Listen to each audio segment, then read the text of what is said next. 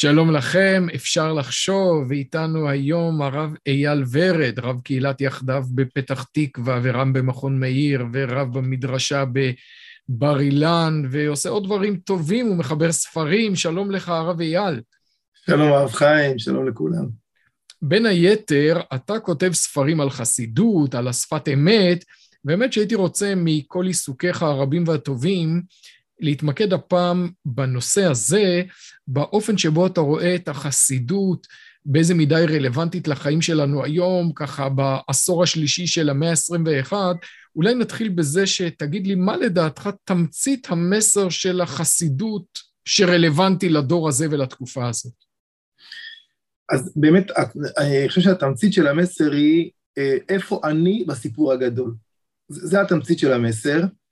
וזה גם לדעתי מסביר את, ה, את התופעה. אני חושב שעל התופעה אין ויכוח, אין ויכוח על התופעה שיש אה, נהירה, נהייה, התרחבות, ש... כל אחד יגדיר את זה איך שהוא רוצה, לתנועות אה, חסידיות, החל מאירועי יד כיסלב וצמא, שבוע שלם בענייני האומה, כל אה, ענייני אה, ישיבת מקור חיים, תפילת ראש חודש, אה, יש, זו תופעה מאוד רחבה. למה? על זה אני מנסה לדון כאן. לא, אבל תראה, ש... אתה, אתה מתכנס מיד לתוך מסגרת שאולי חופפת את הביוגרפיה הרוחנית שלך. כשאדם שגדל בתוך העולם הרוחני של הציונות הדתית בשנות ה-80, שהיה מאוד מרכזניקי קולקטיבי ברוח הרב קוק, מדבר על עם ישראל וכלל ישראל, ומרגיש צורך במשהו יותר אינדיבידואלי, ואתה אומר, הנה החסידות נותנת לי מענה לצורך הזה. אבל אני לא בטוח שזו תשובה מספקת, כי יש בעולם יותר משני זרמים, הרב קוק והחסידות. בסך הכל, רוב ההוגים היהודיים התייחסו לאינדיבידואל. גם הרמב"ם יותר העריך את האינדיבידואל, גם הרב סולובייצ'יק, גם אה, לוינס, גם, אתה יודע, אלף אנשים. מה בכל זאת אתה חושב שבחסידות יש, שמספק איזה צורך רוחני מיוחד? נכון, קודם כל זה, זה נכון. אני חושב שהקומה השנייה או על יד, זה העובדה שהחסידות, על גבי ההתייחסות שלה לאינדיבידואל, גם מייצרת קהילה. מייצרת אירוע של קהילה.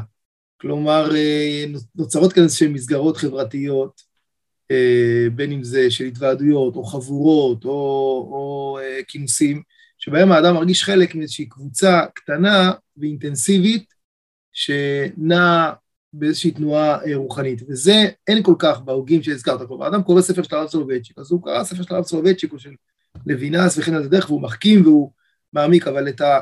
חיבור מצד אחד של איזו תורה גדולה שהיא קיומית לאדם עצמו, אבל שיוצרת איזשהו, איזושהי תנועה שהיא גם, יש בה גם משהו מאוד מאוד פשוט. אפשר לבוא, לשבת, לדבר ביחד, איזה מין אה, דיבור חברים על... אה, בהתוועדות, יש בה משהו גם מאוד מאוד אה, בסיסי כזה, כמעט של, של רצפתי. החיבור הזה יוצר ביחד איזה משהו שאני חושב שהרבה מאוד אנשים חיפשו. קודם כל, אנשים מחפשים קהילות. אנשים מחפשים קהילות, והחסידות מאוד מאוד עוזרת לדבר הזה להתארגן, היא, היא כבר מגיעה מובנית עם, עם, עם כללים ועם, ועם הדרכות, איך, איך נראית קהילה וסביב מה היא נעה, ואיך, ואיך הסדר שלה, ואיך ה... ולכן החיבור של שני הדברים האלו, אני חושב יוצר איזשהו, יוצר איזשהו משהו שהוא נותן מענה להרבה מאוד אנשים. עכשיו הפתעת אותי, כי אתה אומר שבחסידות יש קהילה, זה נכון באופן שהחסידות התעצבה במאה ה-18 וה-19, זה נכון עוד יותר באופן שהחסידים, אתה יודע, אלה עם השטריימל והכפות החיים היום.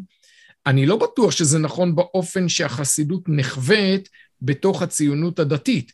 כלומר, החבר'ה שלנו לקחו מהחסידות את המטען הרוחני, לא לקחו ממנה את המבנה הסוציולוגי, ואני אפילו לא בטוח שזה יכול לעבוד, אבל אני לא רואה למשל את, חסי, את החסידים או הנאו-חסידים בציונות הדתית מתכנסים סביב אדמו"ר. וזה לא, בילד לא... אין, בילד אין במבנה החברתי של החסידות. יושב כל אחד בחדר שלו, אחד קורא ליקוטי מוהר"ן, אחד קורא טניה, אחד קורא שפת אמת, כל אחד עם איזה הפנינג רוחני פרטי משלו, אני לא רואה שהעתיקו את המבנה החברתי של החסידות סביב אדמו"ר עם קהילה אינטנסיבית. לא, לא, ממש לא סביב אדמו"ר.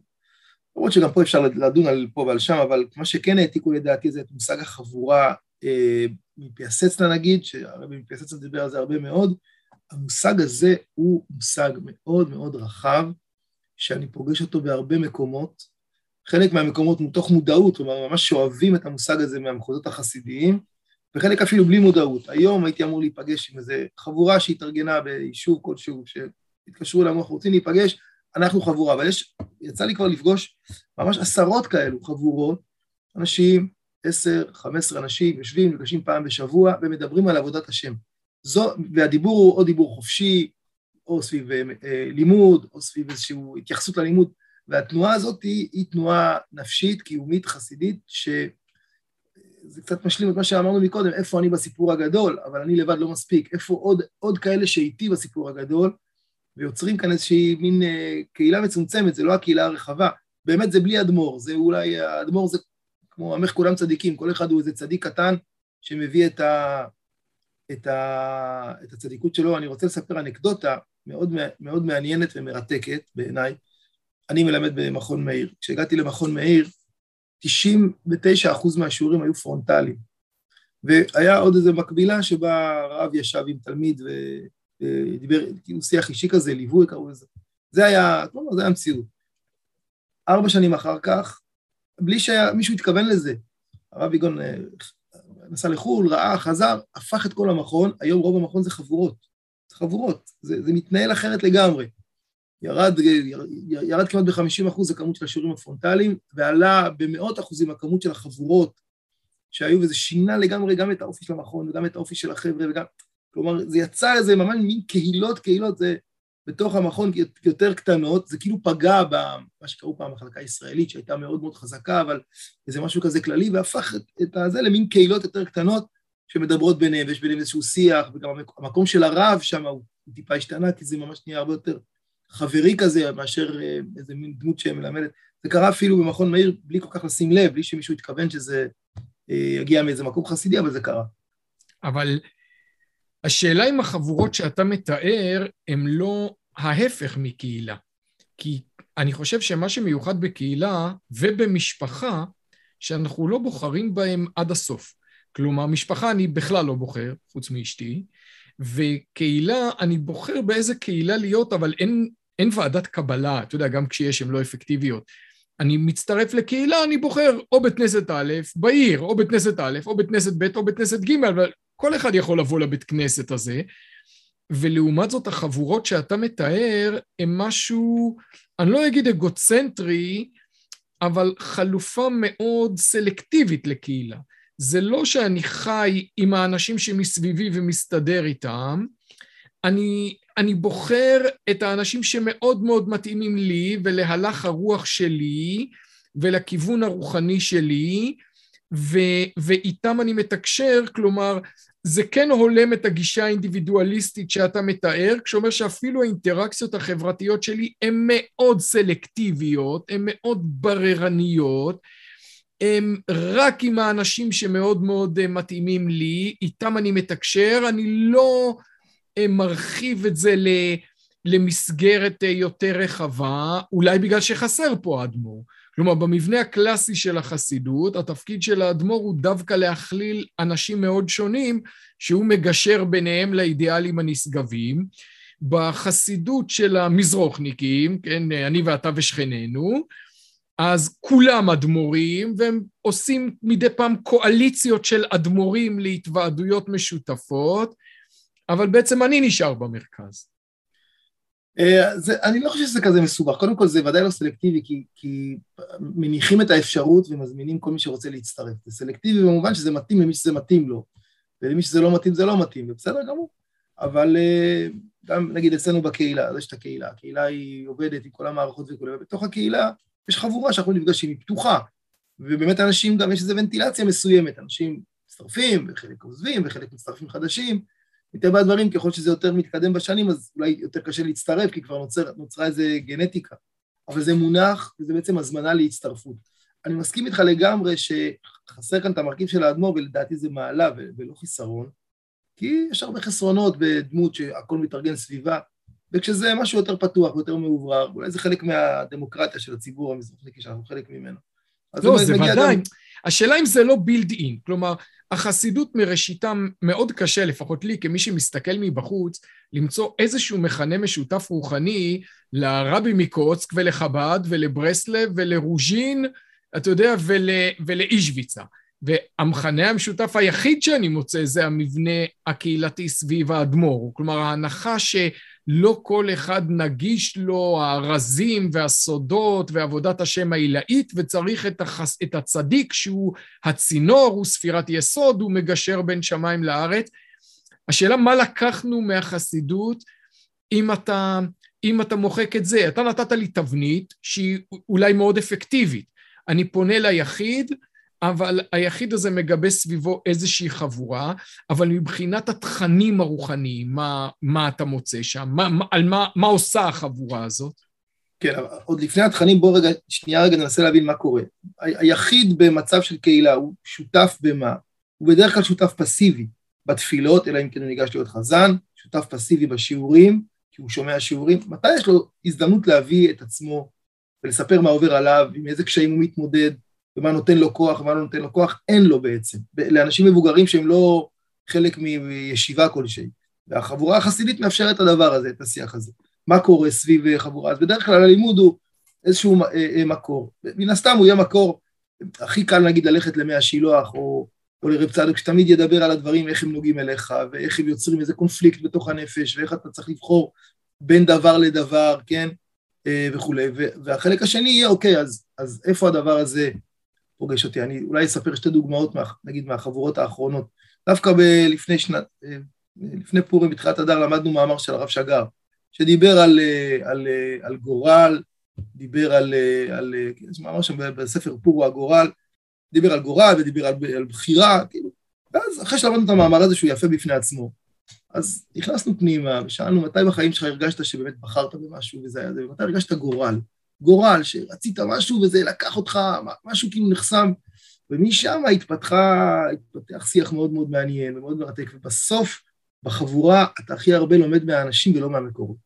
כלומר, המקור הוא באמת איזשהו, איזושהי פלטפורמה להיכנס אל, אל הנפשות, והאנשים זה הנוף הכי הכי מעניין, ואני לא מכיר, אני לא מכיר שום מסגרת אחרת, שום פלטפורמה אחרת שמאפשרת לי להתכנס עם אנשים לשעה וחצי, שעתיים, ולצאת ולהגיד, וואו, למדתי עכשיו המון ממנו וממנו, ואני הולך עם מחשבות ומתגלגל איתם, וזה ממשיך משבוע לשבוע.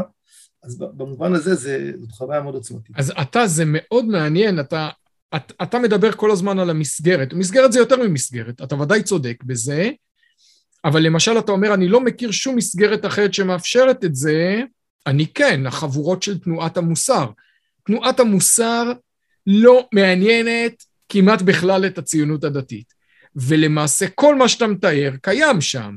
החבורות uh, של, uh, שבסלובודקה ובסגנון אחר שבנוברדוק, ועוד אצל רבי ישראל סלנטר, לא כל כך מעניין אנשים סוג עבודת הנפש הזה. כלומר, כנראה יש משהו, שאני לא פיצחתי אותו עד הסוף, שמושך אנשים לא רק בתבנית או במסגרת, אלא גם בתכנים הרוחניים שנוגעים בסוד, לא מתמקדים רק בעבודת הנפש והמידות, אלא שנוגעים במשהו מטאפיזי. אני, אני צודק? אמ, לא יודע, אני לא יודע להגיד לך. יש, יש צד כזה, כמובן, של נגיעה בסוד. אני חושב שהעיקר ההבדל בין חבורות תנועת המוסר לחסידות, זה שחבורות תנועות המוסר בעיקר עוסקות במה לא בסדר, באיפה אני צריך להשתפר, והחבורה החסידית עוסקת קודם כל בהמון המון עין טובה, ברצון להתקדם, מתעסקים בעיקר באור, ופחות בחושך, ויכול להיות שאנשים גם את זה מחפשים, את, ה, את המקום הזה של האור והעין הטובה והעידוד והיכולת ליצור איזה מרחב שהוא נקי לחלוטין מציניות ומשיפוט, ולא איזה מין חבורה כזאת חבורות תנועת המוסר, אנחנו יודעים איך הם עבדו, כאילו אנשים היו צריכים לשים את החסרונות ונכנסו בהם לפעמים ואמרו להם, אנחנו היום בלווייתו של רב חיים, אז האבא שלו הרי למד בנובר, בנוברדוק, סטייפלר, ושם זה היה בקצה הכי, הכי מחודד של זה. וכאן יש חבורה אחרת, עם המון המון אה, אה, עין טובה ודבקות, וכן, וזה נשען על תורה, על תורה שלמה של הבעל שם טוב, מעט מהאור מגרש הרבה מן החושך, ויש בזה גם ניגונים, ויש בזה גם איזה מרכיב של אוכל וסעודה ומקרב את הלבבות, ואנשים גם פותחים את הלב. יש בזה משהו הרבה יותר אה, מקרב. אומרים, בחב"ד אומרים שלפני התוועדות צריך לגזור את הציפורניים. כדי שאם תגיד למישהו איזה משהו שהוא, זה, אז לא, יהיה, לא, לא תשרוט אותו. ונראה לי שבחבורות המוסר מחדדים את הציפורניים, שזה יהיה כמו שצריך, סורת. זה, זה, זה ההבדל. אז זה מעניין, כי למשל אתה, באופן אישי, נמשך, אני חושב, הרבה לאסכולה של השפת אמת. אני צודק, אתה עוסק בזה, כותב על זה. ודווקא כן. האסכולה הזאת שיסודה בקוץ, לא הייתי אומר שמה שמאפיין אותה זה עדינות. גם אם אתה מסתכל על המקום שגור, אה, חסידות גור נמצאת היום, לא בדיוק בדיוק אה, שיא העדינות והמרחב האישי והטיפוח האמוציונלי. כלומר, כן. יש בחסידות גם היבטים אחרים, וכנראה אתה נמשך גם אליהם. כן. האמת שהשפת אמת, ברמה האישית, השפת אמת זה היה השער שלי לעולם החסידות ובכלל המושגים, ולכן גם אה, כתבתי, כתבתי שני ספרים. אם אתה שואל אותי, אה, בחבורות עצמם אני הרבה יותר אה, מוצא את הדברים של רבי נחמן, מתאימים לחבורה דווקא בגלל שהם לא מפורשים, וניתנים ללכת לכל מיני כיוונים, וזה מאפשר לאנשים הרבה יותר להיפתח דווקא דרך מקור שהוא לא מאוד מהודק. אה, וכשרוצים לתפוס ראש, מה שנקרא, ולהיכנס לעומק הדברים, אז המאמרים של חב"ד, מהדורות הראשונים, של אדמו"ר הזקן ועוד זה, נותנים איזשהו, איזשהו אבל אנחנו באמת תואמים מהכל. השפת אמת הוא איזה מין מרכיב לימודי כזה, בתוך המרכיב של, של המשיכה שלי לחסידות, בתוך המרכיב האנושי, אז הרבה יותר נוכח, נוכח הסיפור של, של החבורה ושל אה, אה, מה שרבי נחמן מדבר על נקודת החבר, לדבר עם החבר בעת הזאת, כל, כל התורות האלו בליקוטי מוהר"ן שמדברות על ה... לדבר עם חברו ביראת שמיים, אה, לדבר עם ליבו, לדבר עם הדיבורים השייכים בעת הזאת, אז זה באמת הרבה יותר מתאים לעניין. אז זה אולי גם כן חלק מה, מהפריבילגיה הזאת הלבנטינית של להיכנס לעולם החסידות כזה מבחוץ ולקחת הכל בלי כל כך חשבון, מפה ומפה ומפה, וזה זה, זה גם מאוד מאוד כיף, זה גם נראה לי עובד בסופו של דבר. אז אני שנטיית ליבי היא לא ללכת אחרי נטיית ליבו של כל אחד, אלא כן לברר את המסד האינטלקטואלי. אני בכל זאת אתעקש לשאול אותך. אתה מדבר, אמרת למשל על המאמרים של אדמו"רי חב"ד הראשונים. אתה חושב שהתשתית המטאפיזית של אדמו"רי חב"ד אה, מדברת לאנשים? כלומר, אני חייב להגיד, זה קצת מפתיע אותי, חב"ד פופולרית במידה כזו או אחרת. בציבור שלנו, בין חובשי כיפות סרוגות, חב"ד יש לה גם תשתית מטאפיזית מאוד לא פשוטה, עם אמונה שבעולם האקדמי קוראים לה הקוסמיזם, אין עוד מלבדו, הכל זה אלוקות, אה, משהו לא כל כך קל לעיכול, וגם עוצמת הדרישה הרוחנית שעולה מספר התניא ומחיבורים חבדניקים אחרים, זה לא בדיוק כמו הדימוי הציבורי של חבדניקים שדודים נחמדים מחלקים סופגניות לחיילים. זה תביעה מהממת בעוצמתה, עם ציפורניים אולי לא איש כלפי רעהו, אבל אתה יודע, מקודש הבריחו, אה, כלפי כל אחד. אתה, אתה מוצא את זה רלוונטי לאנשים בני גילנו ודורנו? קודם כל, אני מוצא רלוונטי מאוד לאנשים בני דורנו, דווקא את האותיות שחב"ד נכתבת בהן, כלומר, דווקא השימוש בשפה קצת מטאפיזית, קבלית, שמזכירה מושגים, מאוד מדברת אל האנשים. מאוד כאילו, הם מרגישים שהם נוגעים במשהו שהוא גדול, ונדלק את זה ברק בעיניים. קצת, אולי קצת בשונה מדברים של הרב קוק, שזה כתוב בצורה פיוטית ושירית, והם מרגישים שהם לא בדיוק מבינים מה, מה היה הכוונה כאן, זה ארוך כאילו, פה דווקא הדבר הזה שיש איזה, מוזכרים מונחים מעולם הקבלה והפנימיות, מדליק איזשהו ניצוץ. זה צריך כמובן תיווך, וזה צריך הסבר, וצריך... לא, תסביר לי את זה יותר, תסביר לי את זה יותר. למה? כלומר, כשאנחנו גדלנו הייתה תחושה, אני מודה שלא הייתי חלק ממנה, אבל הרגשתי את ה vibe הזה באוויר, הייתה תחושה שכיוון שאנחנו חיים בזמן של גאולה, זה הדבר הגדול והאנרגיה החזקה שיש באוויר, ואת זה אתה מוצא בכתבי הרב קוק. זאת אומרת, היום אנשים קוראים את הרב קוק פחות, אוהבים וזה, מתחברים, או לא, לא מרגישים שמשהו שם חסר, ודווקא למונחים הקבליים הקלאסיים שלקוחים מהזוהר ומהארי, אתה חושב שאנשים אה, מתחברים יותר? הם, הם, אה, זה צריך תיווך כמובן בהסברה, מה שכתוב, צריך אה, להמשיך אותו כדי שזה יהיה מובן להם, אבל אני חושב שזה, בהקשר לרב קוק, זה פשוט נובע מזה שהרב קוק הצליח, השיטה הצליחה, כלומר, מה שהיה לפני 30 שנה דבר חידוש, היום הוא, הוא פשוט מובן מאליו. יש לנו מדינה, היא קודש, היא מתקדמת, גאולה, כל אחד יסביר את זה איך שהוא רוצה, אבל בגדול, מה שהיה חידוש עצום, הוא היום אה, בעיניי די אה, מסד אה, נתונים של כמעט כולם. עכשיו, מחפשים את הדבר הבא. מחפשים את הדבר הבא. הדבר הבא הוא, רגע, יש פה איזה משהו, יש כאן בכלל מבנים רוחניים, יש כאן אה, אה, מבנים פנימיים שבהם הכל דבר, וגם, וגם מחפשים את זה, אגב, ברב קוק עצמו. לדוגמה, יש אה, יהודי חשוב שקוראים לו יוסף אביבי, שהוא מראה איך כל המושגים של הרב קוק הם בעצם תרגום של שפה קבלית. אחת הפסקאות המפורסמות של הרב זה על אה, מדינת ישראל שהיא יסוד כיסא השם בעולם. אז זה מאוד מאוד קל לדעת שיסוד זה ספירת היסוד, וכיסא זה גם כן רומז לספירת היסוד, ו... ו... ואז כאילו, חי זה יסוד. כלומר, הוא, הוא בעצם לוקח את כל המושגים הקבליים שנוגעים בספירת היסוד וקשורים ליוסף הצדיק ומתרגם אותם לשפה שיהיה יותר קל להבין אותה. עושים את זה גם לרב קוק בעצמו, מחזירים אותו לשפה הקבלית שממנו הוא הגיע, ושהוא מעיד על עצמו שכל דבר שהוא כותב יש לו מקור בכתבי הארי ובזוהר הקדוש וכו'. אני, אני כן... אגב, אני לא מסכים איתך בנוגע לאמירה שה... בוא נגיד, אנשים אולי פחות מתלהבים מהרב קוק כי זה כבר ה-obvious, כי זה כבר הצליח. כלומר, ודאי שעמדתו היא מאוד דומיננטית בציונות הדתית, אבל חלק מההצלחה של השיטה הזאת ומהעוצמה שלה היה תחושת הדינמיות. כלומר, התחושה שאנחנו עכשיו מיישבים את יהודה ושומרון ומתקדמים בתהליך הגאולה, והרי אצל הרב קוק מאוד מאוד חזק במקומות כמו אורות התשובה, בהרבה מכתביו. התחושה שהשלמות היא לא סטטית, היא, היא סוערת ומתקדמת. אנחנו פחות חווים את זה היום במישור הלאומי כבר הרבה שנים. נכון, מאז אוסלו פחות או יותר, אין לנו תחושה של איזו התקדמות.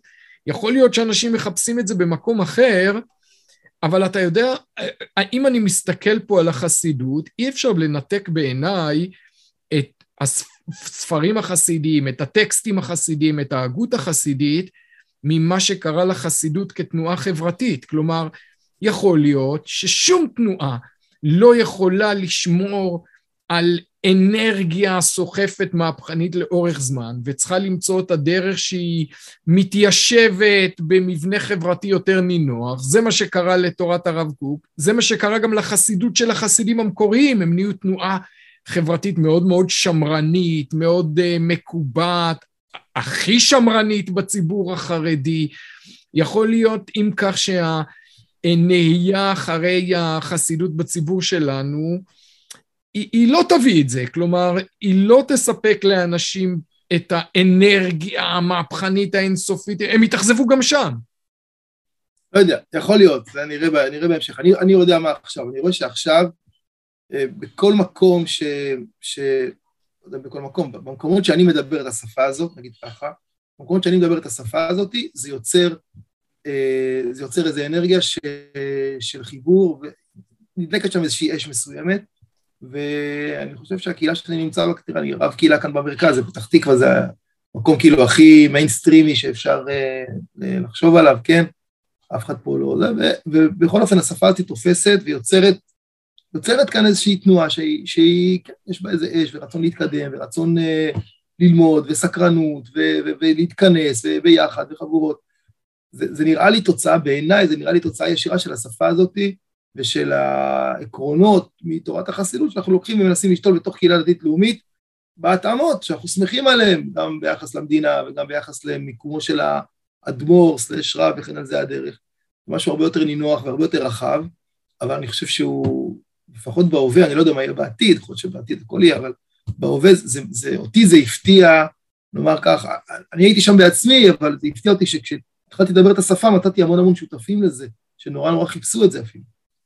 טוב, אני, אני כידוע לך מנסה לעשות משהו אחר, אבל אני מביט בדברים שאתה עושה ואתה באמת uh, מצליח, ברוך השם, בכל אשר דרכיך, um, ומוביל אנשים אחריך, אבל תגיד לי, מה באמת, ב, מה הבשורה הרוחנית שיש לך, מה נגיד הצידה לדרך הרוחנית שאתה נותן לרואה חשבון מפתח תקווה, שהולך בבוקר לעבודה שלו? כלומר, האם הצידה לדרך שאתה אומר לו זה לא נורא תנשום עמוק, בשש בערב אתה חוזר הביתה ותוכל לשבת חצי שעה ללמוד חסידות, או שיש לך מה להגיד לו גם לאופן שבו הוא חי את התשע עד חמש? ברור שזה בכיוון השני. כי הצמד המילים שאנחנו מדברים לדבר עליהם זה, זה עבודת השם. עבודת השם היא הרבה יותר רחבה מלימוד או מתפילה.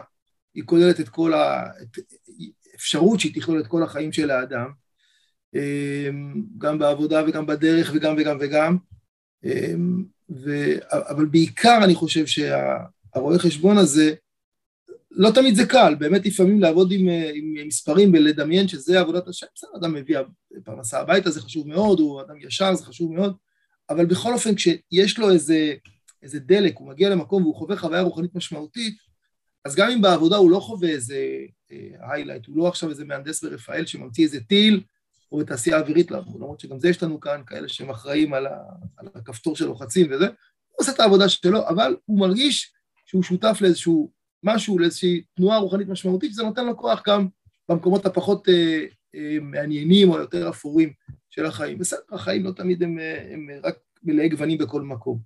וזה דבר גדול מאוד, זה דבר גדול מאוד. כלומר, כשגם כש... אם, אם כשאדם מגיע לשבת, יש לו שבת, השבת היא שבת, היא חוויה רוחנית, יוצא עם כוח. אם גם השבת, אז הוא מגיע, וזה כזה רדום, אז הוא אומר, אוקיי, אז מה, אז אני גם בעבודה ככה, וגם פה ככה, אז הכל כזה למטה. כן, אתה יודע, רב חיים, רב חיים מוולוז'ין קבע שכאן יש נקודת מחלוקת עמוקה של המתנגדים והחסידים, כי רב חיים מוולוז'ין אמר, אתה יודע מה, אני לא תובע ממך להיות באקסטזה, לא רק כשאתה רואה חשבון, אפילו כשאתה לומד תורה. אתה תעשה את שלך, תלמד תורה. המציאות האנושית לא נקבעת רק לפי הרמה של האקסטזה הרגשית שאתה, אה, שאתה נמצא בה, אפילו כשאתה, כשאתה לומד תורה. אה, ואתה, בניגוד לחלופה המתנגדית, בורגנית הזאת שאני מדבר עליה, אתה אומר, לא, אני, אני רוצה שבן אדם יחיה ב, אה, ברמה הכי גבוהה של, של רגש רוחני, גם בחיי היומיום שלו, אוקיי, תשמע, אם זה מצליח, זה מצליח. אני מאמין ברצון ושוב, ואני מאוד אוהב את המילה מצוקה, שזה יוצר הרצון ושוב הזה, כי מצוקה זה מנוע. כשיש רצון ושוב, אז אדם חווה איזשהו קושי, והקושי הזה בסוף הוא מנוע לזוז. אה, ככה אני חושב. ועכשיו אנחנו אחרי פורים כאן בקהילה, שהיה באמת אה, מדהים מכל הכיוונים, אה, סוג של רצון. ויום אחר כך, אה, והרצון השוב הזה יוצרים את, ה, את המצוקה שממנה בסוף, בסוף אנשים זזים. ותגיד לי, אתה, אתה כל הזמן בתבונתך נזהר שלא להתיימר לחזות את העתיד, זה כמובן אה, עמדה נבונה מאוד, בדרך כלל אנשים שחוזים את העתיד, הדבר היחיד שמשותף להם שכולם מתבדים, אתה חושב שיכול להיות שיקום אדמו"ר ציוני דתי? אם, הרי אם יקום לנו אפילו, אתה יודע, עוד הרב קוק, עוד uh, בעל התניא, מה של, איזה כיוון שלא יהיה, כשיקם לך אדם כזה, זה כן דבר שמטלטל את העולם. יכול להיות שיקום לנו דווקא עוד הרב סולובייצ'יק. אני לא חושב ש... אדמו"ר לא. הכיוון נראה הפוך לגמרי, לדעתי הכיוון הוא הפוך. שההתפזרות תלך ותגדל, וכל אחד יהיה לו במקום שלו, איזה מין מעגל, אבל איזה מין דמות גדולה שכולם אה, ירימו אליה את העיניים ויישרו את הקו. זה, זה לא נראה לי, אני גם לא יודע אם זה... קודם כל נראה לי שזה יקרה, אבל אה, אני גם לא בטוח שזה... אלא אם כן זה מלך המשיח, שהוא בסדר, אז עליו אין ויכוח, אבל כל מה שבאמצע, אה, היו גם כל כך הרבה אכזבות בדרך, לאחרונה, כלומר בשנים האחרונות, מאנשים שנסעו אליהם, ובסוף זה... שיכול להיות שזה טוב ככה, שאנשים לוקחים אחריות על עצמם, בתוך הקהילה, המסגרות שלהם, וזה בפרופורציות, וזה לא מאבד, אה, לא מאבדים את הראש. אה, אולי אני עדיין שרוט מה... מה... עלק אדמו"רים הקודמים שהיו כאן ו... וגרמו הרבה כאב להרבה אנשים, אז אני גם נזהר מזה. אני אה, לא הייתי מחסידיהם של עלק אדמו"רים הקודמים, אז אני פחות חווה את זה. ואני כאן לא מסכים איתך, כלומר, מה יהיה בעתיד אני לא יודע, אבל אני חושב שחסר לנו בן אדם כזה. כלומר, אפשר להגיד טוב ויפה, אנחנו נסתדר לבד, אבל אתה יודע, כמו שאומרים שגמל זה סוס שתכננה אותו ועדה, בסוף כשיש בן אדם אחד, אה, רמב"ם אחד, הרב קוק אחד, הרב סולובייצ'יק אחד, אלה אנשים שמחוללים כזאת אדווה רוחנית, מושגים חדשים, עוצמות חדשות, ובן אדם כזה נולד out of the blue, אין לך מושג מתי ואיפה הוא יגיע. יכול להיות שהיום יושב איזה שישיסט באיזה ישיבה תיכונית או שיעור ב' באיזה ישיבת הסדר, ו, ופתאום מחרתיים הוא יוציא ספר ואני ואתה תיפול לנו הלסת. כלומר, זה, כן. זה יכול לקרות. כן, כן, אני מסכים שהלוואי שדמות כזאת תהיה, אבל...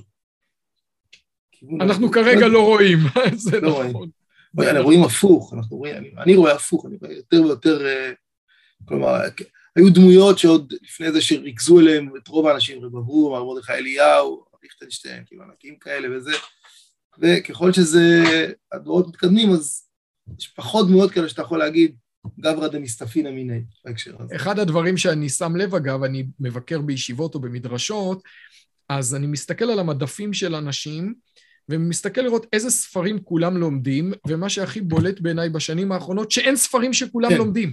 כל אחד לומד ספרים אחרים, אפילו באותה ישיבה. יש אולי ישיבה אחת או שתיים שכולם לומדים את הספרים של ראש הישיבה. אבל חוץ מהם, אז בסך הכל מאוד מאוד מגוון, יש בזה מחירים, יש בזה באמת גם הרבה יופי, בזה אני מסכים איתך. הרב אייל, וואו, נעמת לי מאוד, שיחה שלקחה אותנו לכל מיני כיוונים, ותמשיך לעשות חיל בקהילתך ומחוצה לה. תודה רבה על ההזדמנות ועל ההזמנה.